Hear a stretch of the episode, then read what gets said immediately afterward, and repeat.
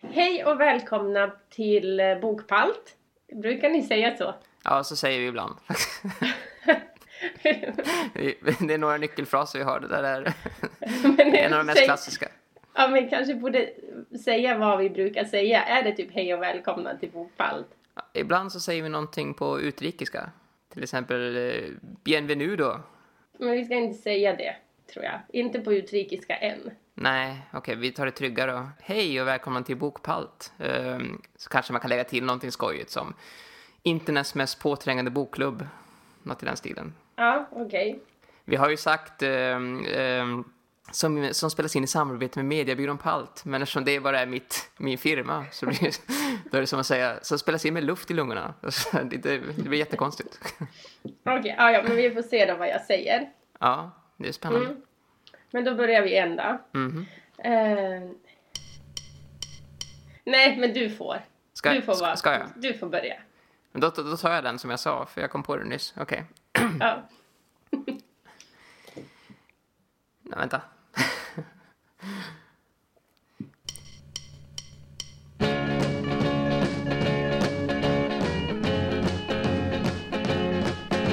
Hej, hej internet! Nu är vi här från Bokpalt igen, Sveriges mest påträngande bokklubb. Eh, Jag heter Tobias, det vet ni vid det här laget. Men det ni kanske inte vet ifall ni inte har lyssnat på senaste avsnittet är att mitt emot mig på Skype och på andra sidan internet och möjligen också över... Nej, vad dåligt det blev. Nej då, det blev väl bra? Ja, Okej, vi fortsätter. Um, jättelångt bort härifrån så sitter Elma Pasalic. Erec i slutet på efternamnet. Ja. Pasalic. Och hon, eh, hon ska eh, säga lite grann hur hon mår nu. Hur mår du, Elma? Eh, jag mår bra. Jag har eh, precis kommit hem från en utbildning i hjärt och lung- lungräddning. Okej. Eh, där vi har fått lära oss hur man ska bete sig när någon får hjärtstopp. Var det bra? Och det var bra och det var lite läskigt och jag tänkte att jag nog aldrig skulle våga gå fram till någon som har ramlat ihop och fått hjärtstopp. Varför inte? För man kan ju fel. Ja, för att man inte riktigt vet hur... Alltså jag, jag bara föreställer mig att man blir helt paralyserad när någon ramlar ihop och får typ håller på att dör. Du är alltså inte den man ska umgås med när man, ifall man är, står inför en närstående kris. Nej, det tror jag inte. Och sen så berättade han en äcklig sak. Eh, och det är att människor som får hjärtstopp, eh, alla muskler bara släpper. Eh, Vad hemskt. och det som händer är ju att människan kräks. Och så ska man stoppa munnen mot den personens mun och Ja, ge luft. ja. Ja, men det får man Ja. väl passera på något sätt. Man får passera äckelhetströskeln och rädda ett liv. Så är det ju. Men eh, sen sa han också att de typ inte räddar så många liv med den här metoden. Så jag vet inte. Jaha, var det, det en new age-kurs du var på? Eller? Nej, nej, det var en ambulanssjuksköterska som var där och berättade och, och det var jättespännande och just det här att man ska hålla på och ge de här kompensationerna eller vad det heter på Mm. hjärtat, trycka och så ska man blåsa och sen så kan det hända att människan kräks. Och då tyckte han att man skulle liksom bortse ifrån det och det är klart man ska. För Ja, om ens mamma eller typ barn skulle göra, få hjärtstopp så skulle man ju inte tveka. nej, precis. Jag hörde att på andra sidan vattnet eh, i Storbritannien så, så finns det en metod man lär ut i samband med hjärt och lungräddning och det är att man ska ha en låt i huvudet. Typ Staying Alive av The Bee Gees. Ja. Så bara ha, ha. Och sen när det blir där så ska man trycka på bröstet. Ha, ha, ha, ha. Och så ska man blåsa på Staying Alive, Staying Alive. Ha, till rytmen där. Ja, Ja. jo men det tog han upp. Så vi körde lite till det. Men det som slog mig också var ju att hur jävla hårt man måste trycka på bröstkorgen för att det ska ge någon slags effekt. Men den där dockan som vi jobbade på den var ju ändå tacksam för att den klickade när man hade gjort rätt. Aha. Men det gör ju inte en människa kanske. Nej, då klickar den när det går fel kanske. Om man tar i Ja. för hårt. Men det var inga problem sa han att om man skulle känna att ett sånt där revben har gått sönder så ska man fortsätta. Oj, det, det är en spärr jag hade svårt, hade svårt att komma över tror jag. Ifall man hör att den andra människan går paj och ska man fortsätta ju, åsamka den smärta. Ja, Det, det låter jättetufft. särskilt när han sa att de typ räddar en och en halv person på tio med den här metoden. Men det kanske inte finns någon bättre metod, eller? Nej, det kanske det inte gör. Och det är klart att det är värre att inte göra något än att göra fel. Ja, eller är det det? det, är sv- svårt att säga. Hur som helst, hur mår du? Eh, ja, jag, jag mår faktiskt eh, rätt bra, men jag, jag är sjukt utstressad. Verkligen. Alltså det, jag har så otroligt mycket att göra. Och dessutom är jag en prokrastinerare. Det har jag tagit upp i tidigare avsnitt, att jag skjuter upp grejer. Och det betyder att eh, det funkar ju till viss mån, för då har jag andrum i några dagar. Men sen får jag jättetuffa dagar. Men eh, ju mer grejer man skjuter upp, desto tuffare och tuffare blir de här dagarna. Till slut så har man bara det tufft hela tiden. liksom dygnet runt. Och det är ungefär Mm. där jag är just nu. Och det här kommer ju i, i samband med att jag liksom är så lat som jag någonsin har varit. Eller jag har liksom nått någon slags Alltså 30-tals, fe- 30-tals, 30 års fett man har slagit in. jag liksom Mhm. känner mig väldigt trött, eh, allmänt grinig ibland sådär. Eh, lite gubbig, vill skriva insändare och sådär. Och, och så, samtidigt så har jag jättemycket att göra. Jag har liksom en, en ung persons schema men jag har en 60-årig mans kropp, känns det just nu. Ha? Ja. Men vet du vad, nu pratar vi om något som inte har med podcasten att göra. Ja, ja, det gör vi. Men vi ska ju prata om den här boken. Ja, och den är skriven av någon som är jätteduktig på att skriva. Och som, eh, jag vet inte, jag misstänker att han våndas över varje ord och väger dem på guld, guldskål, i guldskål. Säger man så? Guldvåg? Guldvåg. Ja, för, för någon som, som har den här sortens balans på något sätt eh, måste ju ändå lägga ner tid på skrivandet, annars så tycker jag världen är orättvis. Ja, kan inte du berätta vem det är? För jag kan inte uttala hans namn. Jag kan säkert inte heller det, men han, het, han heter troligtvis Jonathan Safran Foer. Och han är ju känd bland annat för att ha skrivit Allt är upplyst som kom 2003 på svenska och Extremt högt och otroligt nära som kom 2006. Eh, och den boken som vi har läst till idag det är Äta djur som är mer en journalistisk text eller kanske mer essäaktig kan man säga. Fast det är ändå en, en stadig volym på runt, runt 300 sidor. Mm. Och källhänvisningen är typ 100 sidor. Inte riktigt. Men väldigt många källor på slutet. Det, det bådar ju gott, för det, det är ju liksom en eh, ganska saklig framställning. Det finns ju gestaltning här och han använder ju en litterär författares verkningsmedel. Han är ju skitduktig verkligen. Men han har ändå trygga fakta på sin sida och han har trygg statistik på sin sida. Typ den här eh, boken av Daniel Suhonen, eh, partiledaren som, eh, vad heter den, klev in i kylan, om Håkan Juholt. Den har fått kritik för att han är lite för gestaltande, att han inte riktigt, han tar för stora språng, att han inte har faktan på sin sida alltid. Men det kan man nog säga att den här, att Jonathan Safran Foer har, det är bara det att han, han gestaltar också, men han är, han är väldigt journalistiskt lagd just här. Och eh, jag är väldigt imponerad över den mängd fakta han har vävt in på ett så himla lättläst sätt. Mhm. Att det känns som att det är väldigt lätt att ta till sig och bli berörd av det som står även om det stundtals är egentligen någon slags faktaredovisning. Absolut.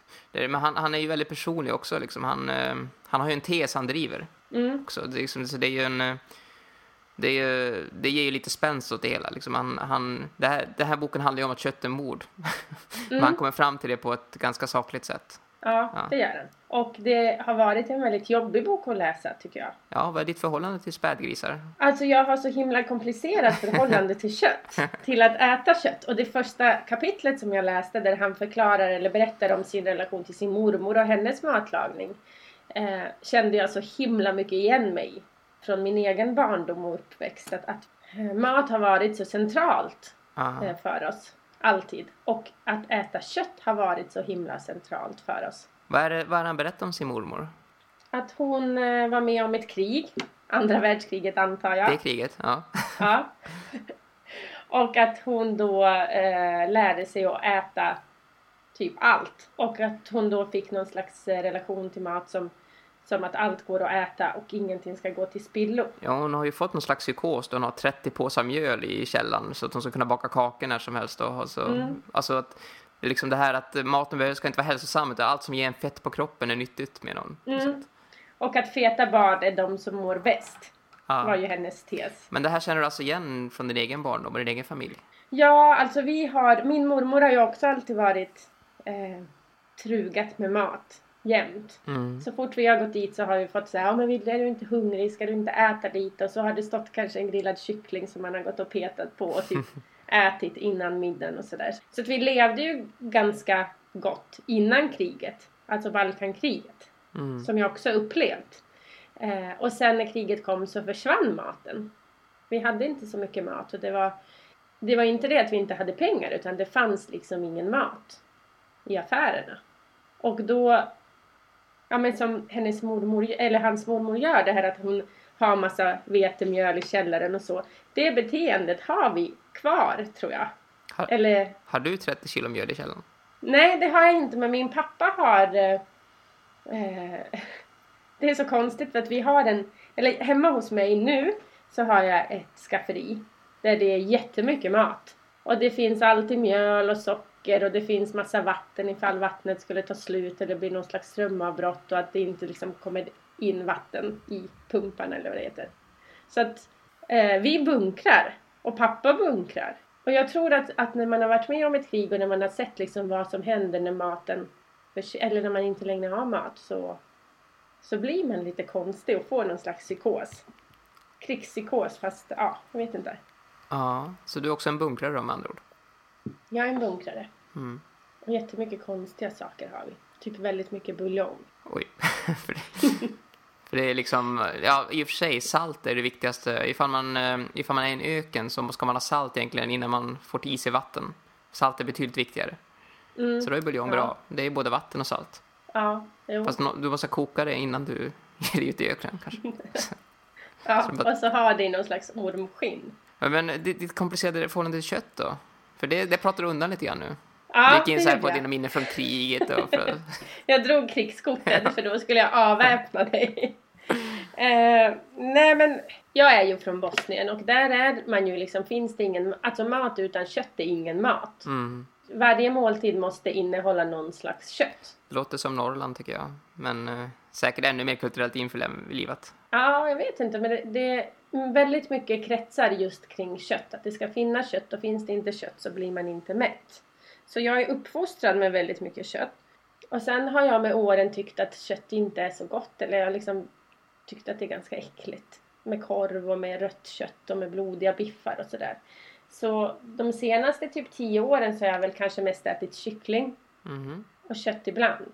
Men inte så ofta, alltså rött kött. Inte så ofta. Men sen så träffade jag min eh, pojkvän som är vegetarian. Och då när vi började dela vardag så började vi också dela mat. Mm. Och eftersom han inte äter kött så äter vi inte kött hemma hos oss. Men eh, det handlar ju inte om att... Egentligen handlar det ju inte om att jag inte vill äta kött utan att det är smidigare att inte göra det, att inte göra det för då slipper man laga så mycket mat. Alltså olika sorters mat. Känner du skam? Eh, ja, lite, efter att jag läst den här boken så känner jag lite skam. Men om du köper en kotlett. Du får liksom ett, liksom sug plötsligt på, på någon matvarubutik. Köp en kotlett. Gömmer du det bakom lite så här havremjölk och sojamjölk hemma så att inte din pojkvän ska se det? Nej, det gör jag faktiskt inte. Han vet ju att jag äter kött. Men de senaste om- kanske... Va? Vad roligt om man inte hade vetat det. Vad är det här? Ingenting. Ja, fortsätt. De senaste... Eh, Fem åren så har jag ju ändå sagt att jag är vegetarian. Och i skolan där jag jobbar så äter jag vegetariskt. Och jag äter verkligen så mycket vegetariskt jag bara kan. Men ibland faller jag ner i fällan och typ måste ha en grillad kyckling. Okej, för att det är så och då gott. skäms jag. Ja, för det är så gott och för att det är så lätt och smidigt och det blir... Man får säga vad man vill om vegetarisk mat men den blir inte särskilt mustig. Nej, eller det beror, alltså indisk mat är ju alltid gott. Alltså oavsett vad man trycker i en indisk maträtt så är det ju gott. Och Mm. då vegetariskt indiskt funkar lika bra som icke-vegetariskt indiskt. Så jag lagar Mm. nästan bara indiskt nu. För att det är så gott. Ja. Fast du äter ju inte kött. Eller köttprodukter. Alltså animaliska produkter. Nej, precis. Jag har ju...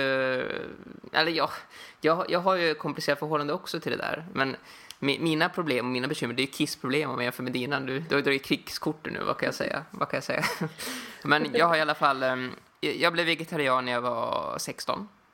Ehm, Jag läste ett nummer av ETC, som då var en, en bildreportagetidning fortfarande.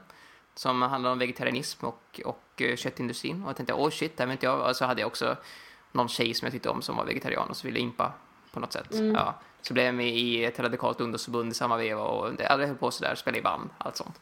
Eh, och det, det var tills jag var 26. Och sen så var det liksom eh, olika saker som påverkade mig. Jag tror, dels så var det en lättja. Alltså, ifall man slutar tänka på varför man gör någonting, alltså etiken bakom, så, så försvinner till slut eh, incitamentet. Alltså man, man, är, man förstår inte varför man har und, liksom undanhållit det här härliga köttet ifrån sig. Liksom. För man bryr sig inte längre lika mycket. För att man inte har tänkt så mycket på det alls. Så efter tio år så gick jag över till fisk och sen till kött. Jag tror en annan grej som påverkar mig det är att man, man hamnar i så himla jobbiga samtal. Det har jag haft mina problem med kissproblem jämfört med dina. Alltså, man, alltså direkt när man säger att man är vegetarian, det, då följer ju alla samtal samma mall. Det blir typ så här, mm. äter du inget kött? Men, men kyckling då? Nej, fisk. Alltså, det blir alltid så. Alltid. Och sen ska alla argumentera med en. Och det blir så himla ledsamt. Alltså de första tre gångerna går det bra, men när det händer varje dag när man träffar någon ny människa, varenda jävla dag, då mm. ens liv blir så enformigt. Man har så konstiga samtal och man får aldrig lära känna någon på riktigt och man fastnar i det där. Det är fruktansvärt. Jag tror att det, vi är ju sociala varelser, men vi är även strategiska varelser, tänker jag. Man tänker mm. så här att, att ifall man är en grupp så vill man ta övertaget och så hittar man en svag sida hos någon. Då kan man spela ut mm. den personen. Typ, jaha, han är vegetarian, då kan jag liksom låsa honom vid det. Och så kan jag gå vidare och snacka med mer intressanta människor. Så jag blir utspelad mm. alltid. Jag, har så, jag, jag får ingen djup, jag är min vegetarianism. Men jag tycker att det är så märkligt att vegetarianismen, eller att vara vegetarian, är så laddat fortfarande idag. När vi liksom hyllar all mångfald vad gäller allt egentligen. Så när man säger att man är vegetarian eller vegan så blir man ju på något sätt ufo-märkt fortfarande. Ja, särskilt vegan, liksom, att, man, att man helt avsvär sig eh, allt som är um, av animaliskt ursprung. Men jag tror att det börjar också bli mer och mer... Eh, alltså det, det är ju lättare att vara vegan idag än det var att vara vegetarian för tio år sedan. Nu får jag post. Vänta.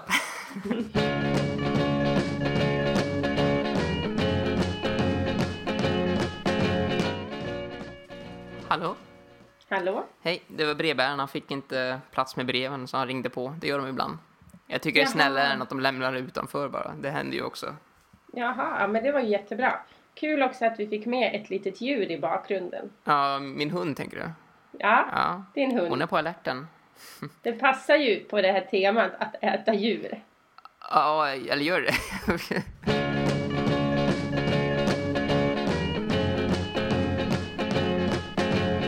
jag, jag pratade om att det, att det började... Det är lättare att vara vegan idag än det var vegetarian i Kiruna för tio år sedan. Mm. Eller nu är det ännu längre sedan jag var det 15 år sedan. Då fanns det typ...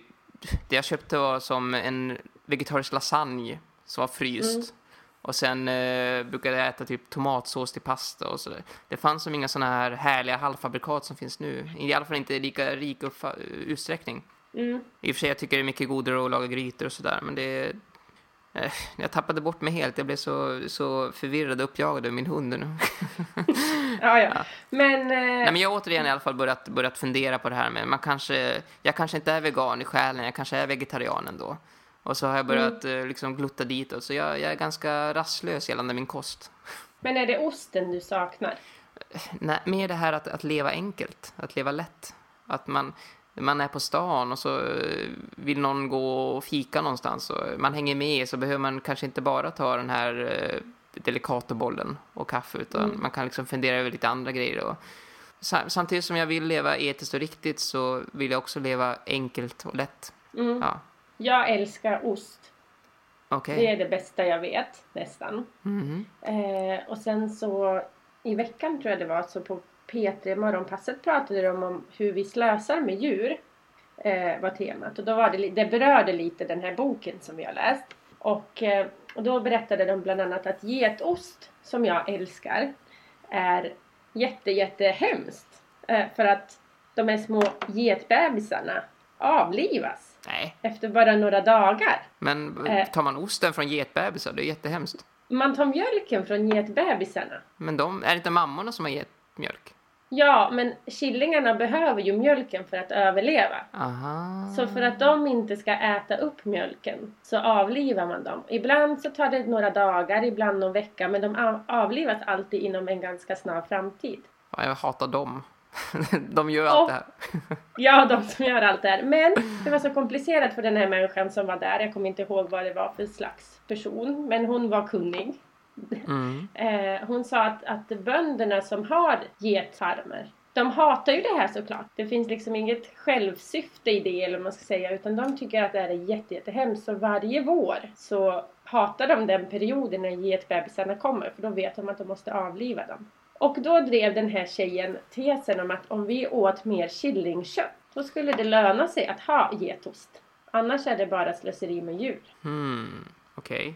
Och det fick mig att börja tänka så här, ah, men jag kanske ska bli vegan. För det, just den där resonemangsmodellen hon använde, den var ju helt barock. ja. ja, men det kändes bara så himla, himla hemskt. Ja. Man tänker ju så här, du vet, ost från kossan och att ja, men visst kalven, men kalven kommer ju ändå till någon slags nytta. Ja. Att vi äter upp den på slutet. Eh, men eh, getbebisen den, den har liksom inget syfte eller den har ingen roll i vår näringskedja utan den bara... Och så bränner man upp dem. Och man tar inte heller tillvara typ skinn eller horn eller kött eller någonting utan allt, de bara bränns upp. Ja. Och då blev jag så himla himla ledsen och sa men gud jag ska aldrig mer äta getost. Har du älskat getost också? Jag älskar getost. Jag har haft också väldigt komplicerad relation till ost som inte kommer från kor. Mm. Per automatik har jag tyckt att det är lite, lite äckligare. Men sen så mognade jag i min egen tanke och insåg att det spelar väl ingen roll. Så när jag upptäckte det och när jag liksom erkände för mig själv att all ost är- god. Då har jag bara liksom, ja jag tycker det är jättegott. Men nu kan jag ju inte äta det mer. Jag vet inte hur jag ska kunna eh, med gott samvete ha en ost eller en getostmacka liksom. Nej, nej men eh, är det en extrem uppoffring att, att eh, liksom ta lite koost istället för lite getost? Nej. Nej. Nej, det är det ju såklart inte. Men sen tror jag inte koosten heller är helt renhårig. Eller? Nej, men även i den här boken så var ju själva nöt... eh, Han skildrar ju egentligen uppfödning av massa olika djur. Ja. Fåglar och fiskar och fläskkött och eh, grisuppfödning och eh, nöt. Det var väl dem. Ja. Och man kan ändå... Jag tyckte på något sätt att när jag kom till nötkapitlet att jag andades ut lite. För där kändes det som att man hade ändå tänkt på lite fler saker än, än som med fåglarna till exempel. Eller som med grisuppfödningen. Du tänker med fåglarna då, till att de bor så himla trist. Att de får stå Ja. på varandra de chockas med, med artificiellt ljus för att de ska föda eller lägga massa ägg och sen så nackas Mm. de och allt möjligt. Ja. det är jättehemska grejer som tas upp, verkligen. Det här, det här du sa om, om, eh, om getbebisar, mm. heter de killingar? Ja, de heter killingar. Ja. Men det är bättre att kalla det för vad det är. För det är ingen som har en relation till en killing. Men Nej, säger man sig getbebis, då vet man ju vad det handlar om. okej. Ja, det är, Så- de här getbebisarna, gebisarna, de, eh, de, alltså att, man, att människor inte bryr sig riktigt, att de bara kastas och bränns upp och sådär. Det är något som inte skulle få äga rum i vår kultur med till exempel hundvalpar. Nej. Det går ju in på väldigt mycket. Det här med varför vi eh, offrar vissa djur medan andra är helt otänkbara att äta. Till exempel hundar äter vi ju inte i Europa med Nej. avmade. Eh, medan, eh, medan kossor liksom är på något sätt förbrukningsbara. Alltså man, man talar om att de ska få dö en smärtfri död och sådär. Men liksom det, Mm. det syftet är ändå att vi ska, vi ska käka dem. Liksom det, Mm. det är ingen som har något problem med det egentligen. Då finns det, det fanns så hemska berättelser där om, om Mm. en, en, en man som har en, som jobbar på ett slakteri och som har en liten, han har en shih tzu, det är samma hundras som jag har. Eh, Mm. Jag tänkte på det när jag läste det så tänkte jag att det måste vara samma som Tobbe har. Och han, han älskar småhundar. Att han, han har ordnat kalas till sin shih tzu så har eh, han bjudit in kvarterets alla småhundar som får sitta i famnen som tagit foto på alla småhundar de har. Det var så himla gulligt och, och också väldigt oroväckande och störande. Men, eh, och sen så berättade han om, om hur han slaktar kossor varje dag och att, och att det var någon ko som hade eh, vuxit upp på ett litet jordbruk som hade kommit till dem. Och hon var som helt tam och hon slickade honom i ansiktet flera gånger. Han tyckte det var lite tufft så här att behöva hugga henne i nacken. Och så tryckte hon upp honom mot en vägg och var så gosig. Och så det tog 20 minuter för honom att döda henne. Men sen så fick jag koll på henne, sa han.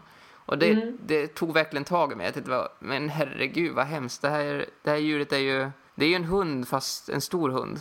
Mm. Samma sak med grisar som är minst lika intelligenta som hundar och som kan öppna haspar och som kan busa. De kan ha favoritleksaker. De kan... Alltså, det, det, det är så hemskt. Man mår så dåligt när man läser den här boken. Jag vill inte att någon ska läsa den, men samtidigt vill jag att alla ska läsa den. Mm. Ja, jag tyckte också att det var så himla mycket sånt som berörde mig och som det var plågsamt att läsa fast jag ändå på något sätt visste att det här hände. För att det är inte så att man inte vet Nej. att djurindustrin är smutsig liksom. Men ändå fortsätter man att, att, att köpa kött och billigt kött. han tar väl upp det här också att, att matpriserna överlag har gått upp väldigt mycket eller följt den här indexen. Mm. Men att kött har blivit bara billigare med tiden. Ja, det säger han ju. Och att eh, stor del av det har att göra med att man inte längre, eller i mindre utsträckning bryr sig om deras välmående. Mm. Att de, beter, de handlar som vilka produkter som helst. Men jag vet när vi kom till Sverige på, i början på 90-talet Mm. så eh, att, att äta en, en så här kycklingfilé det var ju så himla stort och det var liksom nästan lyxigt. Eh, om vi skulle äta kyckling så var det oftast en höna som mamma kokade först och gjorde buljong på och sen liksom körde i ugnen och sen åt vi det med potatis och då fick man dela och slåss om de här fina köttbitarna liksom på hönan. Idag är kycklingfilé så himla billigt. Mm. Jag tror inte att någon, eller jo såklart, människor som inte har så jättemycket pengar men det känns ju som att, väl, att tillgängligheten på billigt kött har blivit så enormt mycket större bara på de här senaste ja, men 20 åren. Ja, och det, det beror väl på att vårt jordbruk har följt samma trend som USA då, säkerligen. Ja, eller att efterfrågan är så himla stor. Men det är faktiskt eh, spännande det här att vi, vi lever i en chimär. Och vi vet att det är en chimär, men vi klarar inte av att, att kolla bort dem eller att, att dra bort draperiet. Alltså vi, vi vet att folk dör i ebola över, över havet och vi vet att det pågår krig här och där. Vi vet att personer förtrycks. Vi vet, alltså egentligen så hade vi alla behövt stanna upp och bara komma till undsättning. Att vi, vi skulle behöva hjälpa alla och så. Men det, det går inte att ta in och vi vägrar ta in det. Vi lever i vår lilla bubbla. Vi tänker att vi lever i ett välfungerande samhälle, men ser man på världssamhället så är ju allt fakt liksom. Ja, men också att man, att man liksom pallar att blunda för att världen ser ut som den gör. Mm. För i vardag, okej att ebola, att hjälpa till i ebola-kampen är ganska svårt för en enskild. Men att se till att djur, det vi äter eller det vi serverar våra barn är på något sätt så etiskt som det bara går. Det borde inte vara så stor uppoffring för folk liksom. Nej, men det gäller ju att vända paradigmet. Alltså att, eh, det gäller ju att, att eh, typ alla mammor ger ju skinkmackor till sina barn så här. Och så ska man plötsligt själv sluta göra det. Alltså det, det blir som en, man måste gå mot strömmen på något sätt. Och vända trenden. Ja, och kanske att det här, ja men om man är vegetarian och ska äta ute. Så det är ju inte så jättemånga alternativ man har att välja på om man inte går till en vegetarisk restaurang. Då är det utbudet väldigt bra. Men jag menar, om man går till en helt vanlig restaurang så är ju kötträtterna kanske 8 av 10 och de andra två rätterna är vegetariska och då handlar det typ om kokta grönsaker eller risotto.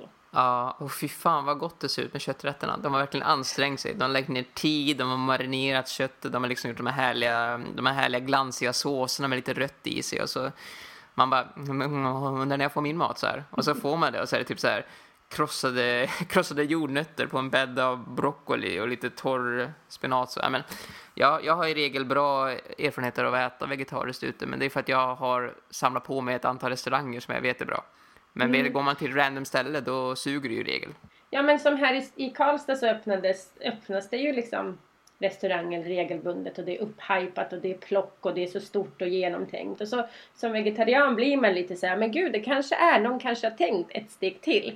Och sen går man och så får man så här, ja men som senast så fick vi typ kokt blomkål med typ blomkålspuré till och typ någon annan typ kokt grej och så bearnaisesås till det. Oj, Och då var det så här, men det här ska jag betala 140 kronor för? Ja, 240 kostade det slut. Och då blir man så här, men vad fan, det här är människor som jobbar med mat. Okej att inte en helt vanlig människa, du vet så här, ja men vem som helst som vet eller har så bred vegetarisk repertoar. Men jag menar det här är människor som jobbar med mat, som har blivit utbildade i mat och som är någon slags finkrögare och som är liksom medvetna. Ändå kan de inte tänka längre än att typ koka en broccoli. eller blomkål eller vad det nu kan vara. Ja, men det är ju helt vansinnigt. I, i, i 2000-talet också, det, när vi, Ja. vi vet att liksom 40% av växthusgaserna kommer från djurhållningen och liksom, eh, köttindustrin. Och så ska kockarna vara medvetna. Jag har ju intervjuat kökschefer som tycker det svåraste så finns det att få krav på sig att göra vegansk eller vegetarisk mat. Liksom det, de pallar inte det. Och det. Jag fattar inte vad är det som är så svårt att exkludera en ingrediens. Ja! Eller som till exempel så blir man lite glad. Eller jag var på en konferens för, för några veckor sedan och då hade jag glömt att meddela att jag är vegetarian. Och så när vi skulle äta mat så fanns det inte mat till mig. Mm. Och så kände jag också, men ska man 2014 i Sverige behöva meddela att man är vegetarian? Eh, det är som i början på 90-talet när man var tvungen att ha så här sjukintyg till mattanten och där det stod att man är vegetarian och att, att eh, någon slags läkare har intygat att man inte kan äta någon annan typ av kost. Var det så? Ja, det var så. Hade ni inte så på din skola? Nej, jag fick att vi hade ett vegetariskt alternativ som vi åt. Det var ju aldrig säkert bra och så, men det, det gick att få i sig. Sen så funderade jag på att vara vegan ett tag när jag var 17. Mm. Och så testade jag det i några dagar, men det alternativet, för det fanns två andra veganer på skolan, det var ju Mm. helt vidrigt. Det var typ så här potatis med lite persilja på i stort sett. Liksom det, jag fattar inte. Gräsligt. Nej men alltså min gymnasietid och även grundskolan men framförallt gymnasiet när man började fundera kring det här med identitet och lite så här, vad är jag och vem är jag och vad, vad ska jag äta och liksom eh, hur ska jag göra mig populär? Eh, och då kom man fram till att, veget, att vara vegetarian det är det man blir mest populär på. Oj, var det så där? Nej, det var det såklart inte. Men då fick man ju ha ett intyg och så fick man gå och det här intyget skulle lämnas in i början på terminen och sen så varje gång det var mat fick man ju gå liksom bakom in i köket där de plockade fram någon slags vegetarisk mat. Ofta sådana här puck, grönsakspuckar du vet. Mm, basilikapuckar heter det då. Ja. Ja, tror jag. eller, och så var det så här majs i. Aha. Typ som, som eh, så här, vegetariska hamburgare kan man väl säga. Mm. Som. Oftast så. Eh, och så fick man liksom gå och, och det var ju som någon slags Ja men den här vägen med sin lilla tallrik när alla tittade på att jaha, där är en sån där. Och du som vill vara osynlig, du gillar inte att vara Ja. i centrum. Precis. Så du bestämde dig för vegetarian i skolan ett tag? Eller talar du... Ja, ett tag. Ah, Okej. Nej, nej. Ja, ett tag var jag det under gymnasiet och testade på. Lite så här att jag sökte. Men jag var ju bara vegetarian i skolan. Hemma var det ju, om jag skulle ha sagt att jag skulle vara vegetarian så vet jag inte vad min mamma hade gjort. Mm. Hon hade typ svimmat. Tror du det? Ja, det tror jag. Hon hade ju inte vetat vad hon skulle göra med mig. Vad menar du? Äter du inte, inte något kött? Så. Det gick väl ganska bra hemma. Jag höll på att dö gnälldöden av min mamma. Hon, hon trodde inte att jag åt bra och så berättade hon skräckhistorier om någon vegan som hade tappat allt hår och sådär och typ allting.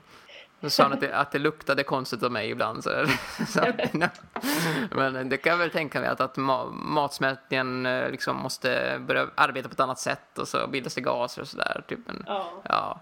Men Det var nog hittepå. Men i boken så tar ju han upp det här med eh, Gordon Ramsay. Eh, att han hade sagt typ att han hellre skulle avrätta sina barn än se att de blev vegetarianer. Jag tycker det är strängt sagt.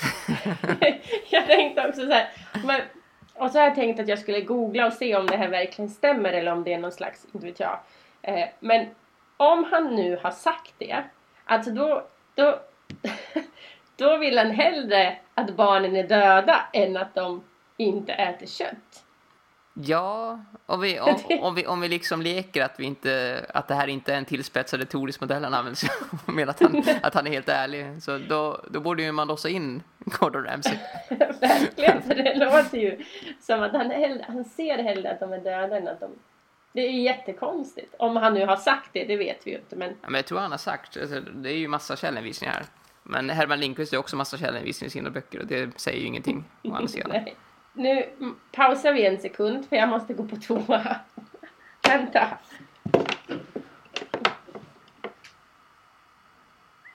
Ska vi se om vi kan få Hilda och Grymte i micken. Kom Hilda, kom. Hilda alltså min shih tzu. Kom. Vi lyfter upp henne i famnen. Ska du grymta lite?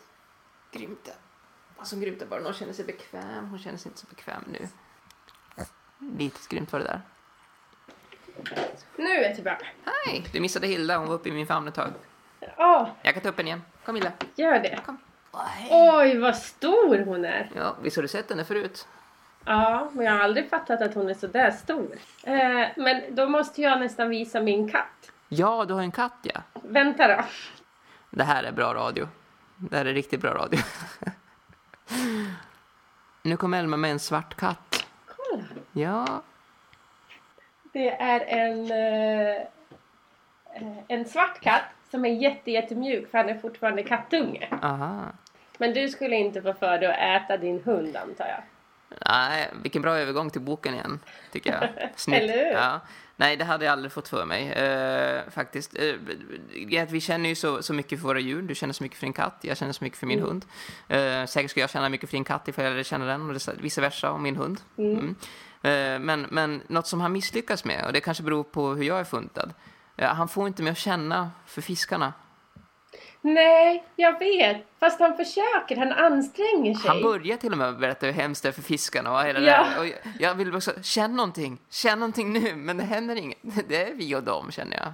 Lite kände jag när han berättade om alla de här, de här stora trålarna, heter det så? Ja, ja. Som bara liksom får med allting i havet och på botten och bara förstör så mycket. Och sen det här när man hugger efter en stor fisk med en, med en krok så ska man träffa i huvudet. Och då, men då kände jag bara någonting för jag tänkte, tänk om det var Hilda, tänk om det var min hund som de högg i huvudet. Men eh, annars, jag vet inte vad det är något fel på mig. Jag är, jag är fiskpsykopat. Ja, men det är väl kanske för att man liksom kan föreställa sig hur det är att klappa en ko. Om man har någon slags relation till kossan. Ja, För att man är på bondgård när man är barn, typ. Och katt och hund och höna också kan man ha någon slags relation till. Men fisk har man inte så jättestor relation till. Om man inte är någon slags fiskare. och då, då är man avtrubbad rent känslomässigt. Man tycker inte de är så Ja. söta längre. Nej, och man jagar dem ju på ett annat sätt än vad man gör med kossorna liksom. Nej, men jag tror det har med, med land och vatten att göra, kanske. Någonting, alltså... Jag tror det. För eh, jag har inte klappat någon kossa någon gång. Men jag, jag känner ändå med dem. Det är liksom landgående varelser som ser snälla ut. Men fiskar, fiskar luktar jätteilla. Och så är de i havet och, och sådär. Nej, det, jag kan inte förklara, det är inte rationellt så jag kan inte förklara det. Men det, det finns där hos mig, en, en uppdelning. Mm. Sen, Jag, ja. jag, jag, jag vet, han nämner ju det här med att eh, det är mycket lättare att känna för andra djur ifall man har djur själv. Du kanske har tänkt på det nu när du har katt, att, att du, känner, du tänker på, på ditt djur och så när du ser till exempel ett djur på tv, en björn, så kan du tänka så där gör ju mitt djur också. Att man, man, man börjar se personligheten hos djur. Och det har jag börjat sen jag skaffade hund, men eh, det händer inte med fiskar. Jag ser aldrig en personlighet hos fiskar. Mm. Men vi, på somrarna så brukar vi åka till Kroatien. Ehm, och då hyr vi ett hus och oftast är vi flera stycken som åker dit, flera familjer. Och en av de här familjerna som alltid är där, han är en fiskare liksom och har alltid älskat att fiska. Mm. Och en sommar för typ två år sedan så pratades det jättemycket om att det var en bläckfiskbebis som simmade där vi brukar bada. Vad sött. Och jag var ju livrädd såklart för att jag hatar ju allting som simmar i havet när jag simmar. Tycker att de kan hålla sig borta då. Men, eh, men den här bebisen visade sig överallt och det, någon av så här, småbarnen, alltså människobarnen som hade badat hade blivit intrasslad med den här bebisen upp på något sätt. Ja, eller hur? Men hur som helst så en kväll så skulle vi äta middag och så kom grannen med en bläckfiskgryta. Mhm. Och det var bebisen Nej. som de hade, jo, som de hade fångat. Vad hemskt när du säger bebis också. Man tänker att den har en liten napp och... Eller så oskyldig är den. Och... Ja, men det, ja, och, då, och alla bara satt och åt och slickade sig om fingrarna och det var så gott att den här, och då kände jag så här, gud, det var ju en, jaha, liksom, nej, vad hemskt, Vet du- varför? Elma, där lyckades du med något som Jonathan Safran Foer inte förmådde. Han kunde inte få mig att tycka synd om fiskar. Men nu kände jag verkligen, det, det där knep i magen. Gjorde det Ja, de ja. åt bebisen. Ja, de åt bebis och slickade sig om fingrarna och det var så här, du vet, en fantastisk sommarnatt och Är människorna onda i grunden? Är de det? Tror du det? Nej, men, nej, ja, jo, nej, ja, onda, men människor är väl dumma i huvudet. ja. tänker jag. Och sen om det handlar om att man är ond eller att man inte kan tänka längre än sin egen längd så Menar du att korta är extra dumma? Ja. Vad menar du? jag vet inte. Ja, vi låter det osagt. Eh, nej, fiskarna. Jag, när jag läste fiskkapitlet så tyckte jag att det var att, att jag blev mer bestört över den här miljöförstöringen än att vi fiskade och åt fisk. Liksom. Ja, men lite så. Det, det greppar inte tag i en lika mycket som eh, de andra kapitlen om fåglar och, och djur. Eller andra djur då, Mm. tycker jag. Nej, men han anstränger sig. Han gör sitt bästa. Alltså stundtals tyckte jag att boken var ganska tråkig också. Mhm. Att jag tyckte så här, åh, jag kan inte läsa det här igen om hur man gör när man dödar djur. Nej, precis. Eh, hur, hur tänker du då? Nej men att det var så här, ja ja det här har jag läst och det här har jag läst och det här har jag läst. Att jag liksom bara var så här, åh måste jag... Men det kanske handlar mer om att jag inte orkar ta in. Mer än att det är en tråkig bok liksom. Nej, men jag tror också att han drivs ju liksom av en brinnande övertygelse. Och Mm. han liksom vill hamra in det här i huvudet och då upprepar han ju sig lite grann förstås. Det dyker upp saker som tidigare funnits med i boken. Om och om Mm. igen. Så det, det, är, det är ju den mest levande debattbok jag har läst om vegetarianism. Men det är ändå, det är ju fortfarande en, en facktext. Och eh, jag gillar inte facktext. Jag vill ju läsa skönlitteratur. Mm. Så jag kan hålla med dig om att det är... Men den flöt förvånansvärt bra, Mm. tycker jag. För en 300 sidors facktext. Mm. Men det här radioprogrammet som jag lyssnade på om slöseri med djur. Ja. Eh, då tog de upp en annan sak förutom att killingar fras för att vi ska kunna äta den här osten. Så enuiterna uppe i, Nordpolen Mm. använder sältarm att eh, sy jackor av. Varför det? För att just sälarnas tarmar är så jäkla bra. De är så här helt funktions... Alltså så himla mycket funktionsmaterial. De är som formade som inuiter redan i sälens mage. Så det bara, bara ta in armarna och så har man en dräkt. Eh, det är jätte, jätte vattentätt. Så att man kan bära vatten i det utan att det läcker. Ja. Och, sen, och sen andas det samtidigt. Hur kan det andas samtidigt när det kan bära vatten? Jag vet inte. Det, det är så himla ultra super jättebra funktionsmaterial. Och dessutom så sägs det att det är så snyggt randigt. Aha. Det låter Och om ju man, helt absurt. om man skulle sy en jacka av det här så skulle man ju kunna ha den typ hur länge som helst och sen när den väl är sliten så skulle man bara kunna kasta den i en kompost liksom. Men varför säger de det här på radio? Nu kommer ju folk att skövla sälar där uppe som aldrig någonsin förr. Och göra en världsmarknad av det. Nej men för att folk inte vill ha sältarmar på sig. så att hon trodde inte att det var någon. Men det skulle kunna bli jättebra om man kunde. Men varför kan man inte, alltså vart går den här gränsen då? Att varför kan man inte ha en sältarm på sig? Men man får väl kalla det något annat än sältarm. Det är det vanliga knepet. Som typ, eh, Ja. vet man, för att få vaniljsmak till vissa rätter och till vissa godis så använder man ju liksom någonting från utterns anus, eller om det är bäverns anusring. Som, Mm. eh, Det är fantastiskt att man har kommit på det här någonsin. Att, typ, hur, hur de har liksom kommit fram till att det här smakar vanilj. Men då kallar de det inte för utteranus i innehållsförteckningen utan då, då heter det typ någonting helt annat. Diatresepapam, något sånt där. Ja, eller något sånt här E- E-nummer. Ja, men det är lite grann som i, som i liksom, eh, nu kommer jag inte ihåg vad de kallar det för, men det är när de skulle liksom eh, sälja in att de skulle fluorberika ett vattendrag i serien Parks and Recreation. Mm. Ja, och så för att de skulle få folk att tända på idén så kallar de det inte för fluorberikat vatten utan de kallar det för typ så här H2 awesome eller något sånt där. Eller cool, cool spring water. Eh, ingen aning vad de kallar det för men det är någonting som inte är som vatten. De rebrandade det. Och då bara folk där, det här vill jag vara med om. Jag vill äta det här. Jag vill, jag vill ha sältarm på mig för det heter typ, eh, vet jag inte. Vad skulle man kunna kalla det? Jag vet inte, vad heter säl på engelska? Seal. Seal for real eller något. Så har man artistens stil som marknadsföraren. Ja. Lever han? Vet, ja, varför skulle han vara död? För att han är så jävla gammal, men det kanske han inte är. Är han gammal? Jag trodde han var jätteung. Ja, nej, men han var ju ihop med den där modellen och så gjorde de slut och han är väl Nej, han är nog inte så gammal. Jag tänker på Moby när jag tänker på Seal. Är de samma? Är de likadana? Mm, vet inte. Nej, det är svår, svårt det här. Svår. Nu försökte vi ha en konversation utan våra iPhones, då blir det så här. vem ska googla först? ja, okej. Ehm, jag ska se om jag har en jättelång lista igen här. Vad tänker du med Eh. lista? Du tänker på våra spellistor? Nej, alltså jag tänker på lista på saker jag ville ta upp i den här podden. Sältarm tog du upp nu. Sältarm var nu och sen så, jo. ehm, det jag tänkte också på när jag läste den här boken var ju den här bilden av en bondgård. Ja, Just nu så håller Dino, min son, som går i ettan på att läsa om bondgård och djur, svenska tamdjur liksom. Och det här, eh, det här passet i skolan ska då avslutas med ett besök på en bondgård. mm. Där man ska få träffa de här djuren och se hur det drivs. Och då när man själv tänker på, så, eller när jag tänker på bondgård så är det ju så jätteidylliskt och det är små röda hus och det är hönor som springer omkring fritt och det är kossor och hästar. Men i boken så är det en helt annan typ av lantbruk som, som träder fram. Han kallar det för någonting också.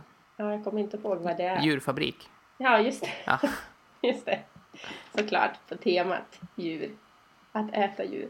Jo, men han kallar det för djurfabriker och att man föder upp djur bara för att döda dem och för att vi ska äta dem. Och eh, man tänker inte på att de ska ha utrymme att leva på utan man, man staplar dem på varandra som DVD-fodral i stort sett. Ja, och det är ju inte alls den bondgård som man lär sig om i skolan. Nej.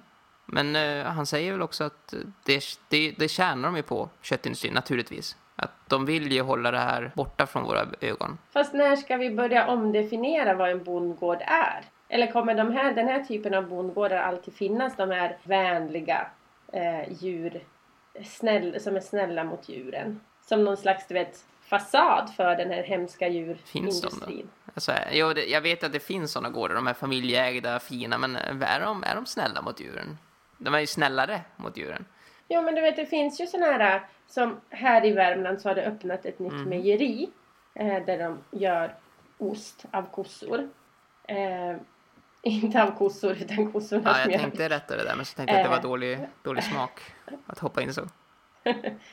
Nej men eh, och då är det och så har vi varit där och hälsat på för att köpa Mm. ost och då är det väldigt idylliskt. Det är typ den här typiska bondgården som man själv tänker att kossorna i hagen och ett litet mejeri och, och väldigt gullig tjej som står och säljer ost. Man får smaka och det är frigående höns och man får köpa ägg och man kan köpa mjölk och Jag tänker mig lite grann som i, i Kalankas julafton. Eh, att eh, Mm. de har typ, där så har de en husvagn och så har de en jättefin idyll så här. Och sen när de ska åka iväg till ett nytt ställe så vecklar de ihop kulissen och drar in eh, kulissen in i husvagnen. Så är det istället ett fabriksområde de har varit på. Där att de har haft den här Mm. Backdropen, den här illusionen. Kan inte den här fina, fina Mm. bondgården du talar om, det här mejeriet, kan det inte vara typ en, en, en fasad? Ja, kanske, men det känns ju inte så när man Nej. är där. Men jag tänker att, att den här upplevelsen av att vara på en bondgård, att åka ut på landet och klappa kossor eller hästar och köpa frigående ägg och typ skaka hand med Den går bonden. förlorad nu, tänker du? Det... Nej, jag tänker att den rättfärdigar det som händer bakom kulisserna. För att det är den bilden vi upplever och när det står då typ så här närodlat eller närproducerat kött eller kött från Kil så tänker man att det är precis så. Fast det är ju inte det antagligen. Säkert inte. Storproduktionen kan ju inte se ut så. Det Nej. skulle ju ta jättelång tid att få ihop jättemycket ägg och kött ifall alla lallade runt på det sättet. Å andra sidan så kanske det skulle vara man skulle betala det pris det faktiskt är värt. Han tror inte att vi är beredda att göra det, Jonathan Safran Foer. Nej, han... Eller det, i alla fall inte en av dem han har intervjuat. Han säger att folk vet det här, folk vet hur det ser ut, men de vill inte ha dyrt kött. De vill ha billigt kött. Mm. Ja, då kommer vi tillbaka till det här att människor är dumma i huvudet. Vi kan väl, vi kan väl summera med att eh, många människor är dumma i huvudet, men många är inte det. Ja, det kan vi. Det, det är lite mer nyanserad bild av mänskligheten även om jag kanske inte håller med dig fullt ut. Nej, okej. Eh, Du ja, håller med mig till 50 procent i alla fall. eh, ja, men jag tror hur som helst inte att vi kommer kunna fortsätta äta så här mycket kött som vi gör. Det tror inte jag heller och jag hoppas att vi inte gör det dessutom. Jag hoppas på... Jag tänker lite grann på det här indisk mat var vi inne på. Mm. Att eh, de har ju så... De, eh, indisk mat, den är så himla god, den vegetariska indiska maten. Mm. Men det är för att i Indien så har de ju fokuserat på vegetarisk kosthållning och de har kunnat utveckla och finjustera det i typ 3000 år, 5000 och 6000 år. Mm. Medan här har vi fokuserat på att typ käka andra varelser och äta rumpor och hälla salt på det liksom, Mm. så att det ska smaka gott. Eh, jag hoppas att, att all mat är indisk. Jag vill säga det. Jag, jag tycker att all mat i framtiden ska vara indisk. det, det är min tes. Men då är det bara typ palak panir man kommer äta resten av livet. Eh, Är inte det ost i det? Jo, just Ifall vi tänker att vi inte ska ha några animalier överhuvudtaget. mm, Som jag tror är eh, liksom det, det, det är dit vi ska, tror jag. mm. framöver. Då tror jag man äter kanske aloo gobi. Som är någon slags blomkålsröra. Kanske det du fick på din restaurang? Fast med bearnaisesås, indisk med touch av svensk husman eller något. Ja, fast bearnaise är ju inte svensk. Nej, jag tänkte det. Är det husmanskost, bearnaise? Det kanske är det nu. Ja, nu är det, men det, från början är det väl franskt. Tänk om det fanns någon motsvarighet, fast det hette något jättefult på svenska. Det finns sådana grejer, typ eh, jeans, när de kom till Sverige. Mm. Då hette de ju först fiskarkalsonger. Jaha. Ja, men sen fick de ju döpa om det för det var fult. Ja. ja, jag vet inte. Jag tänkte se ifall vi ska över till eh, ett av våra fasta inslag. Det tycker jag att vi ska. Mm. Vilket vill du ta först? Rimligen så tar vi våra spellistor först. Mm. För det är ju mm, det är den traditionella ordningen. Vi kan ju liksom eh, rasera allting och så kan vi inleda avsnittet med att ta en spellista. Så kan vi strössla lite låtar här och där. Ja. Men då blir det bara kaos. ja, det blir kaos det gillar vi inte riktigt. Kaos. Nej. Eh, kan, jag håller på att få igång min Spotify nu. Kan inte du berätta lite grann vad du har på din lista? Den första låten jag tänkte på var ju Varmkorv Boogie. Mm. att jag inte kom på den. Skit också. Så den har jag kommit på och den är med på listan såklart. Och den är ju rätt given och talar för sig själv. Kan du sjunga lite på den medan Nej, jag söker upp? absolut inte. Nej, okej. Det vill inte Rasmus heller göra. Sjunga på grejer. Ehm, sen har jag också eh, Milkshake av Kelis. Mhm. Och det är ju mest att det här att, att det egentligen inte handlar, att vi äter mer kött handlar egentligen inte bara om att vi äter mer kött utan att vi även brukar väldigt mycket mer animaliska produkter överhuvudtaget. Som till exempel milkshakes. Som till exempel milkshakes och glass och grädde och gräddkarameller. Allt det har väl någon slags ursprung i att det produceras av djur. Det finns ju en, en eh, växtmjölk som man kanske säger, en havremjölk. Vi kanske inte behöver eh, ta upp företagsnamnet eller så, för vi får inga pengar av dem. Men Nej. de säger, i alla, de säger i alla fall att eh, de hade en reklamkampanj där de skrev som mjölk fast för människor. Och så blev de stämda av mjölkindustrin. Har du hört det? Ja, jag har hört det. Och sen la de ut hela stämningsansökan på sin hemsida. Det tyckte jag. Det behövs mer kaxighet i den här, eh, i den här frågan tror jag. Mm. Dessutom har de ju en skitsnygg förpackningarna har blivit så himla snygga och jag tror också att även det behövs. Att, att det ska kännas lite hippare än de här, du vet, det vegetariska och mjölkfria. Typ allergikosten har ju alltid varit så blek. Ja, och jag tycker när man, när man läser eh, typ texter som finns i, vad ska man säga, i eh, ett av Sveriges mest framträdande djurrättsförbund. så tycker jag att, att eh, nej jag vill inte gå så. det- Ibland har jag sett någon som ser lite blodfattig ut, som ser lite så här eh, väldigt blek ut. Och jag tänker så här att, att eh, det är inte det bästa ifall man ska proklamera eller liksom göra reklam för veganism, att man infriar fördomar. Men å andra sidan, man får se ut som man vill. Och jag, jag är bara dum i huvudet som går in på sånt. Men ja, det, är, det är tankar jag haft, för jag är en människa som felar. Eh, med tanke på att vara politiskt korrekta så har vi inte varit så jättepolitiskt korrekta, tror jag. Nej, men jag tror att det, det är bra ändå. Vi får väl se. Och sen har jag också lagt till Bjuroklubb med Lale. På grund av valen. Ja. Din pojkvän gillar inte valen. Nej, Gillar han, du valen? nej, men jag tänker att det här skulle då kunna vara någon slags hyllning till fisken. Ah, fast valar är inte fiskar. Nej, de är däggdjur. No. Nej, jag förstår vad du menar. Den, den umgås med fiskar. den umgås med fiskar och den finns under vatten. Men berätta om din lista. Okej, eh, jag, jag har eh, tagit en del låtar. eh, till exempel tog jag Blommig falukorv, Ja, såklart. som ett barn som heter Alva Kedhammar sjunger. Eh, sen har jag Fest på slakteriet av Cirkus Miramar. Mm.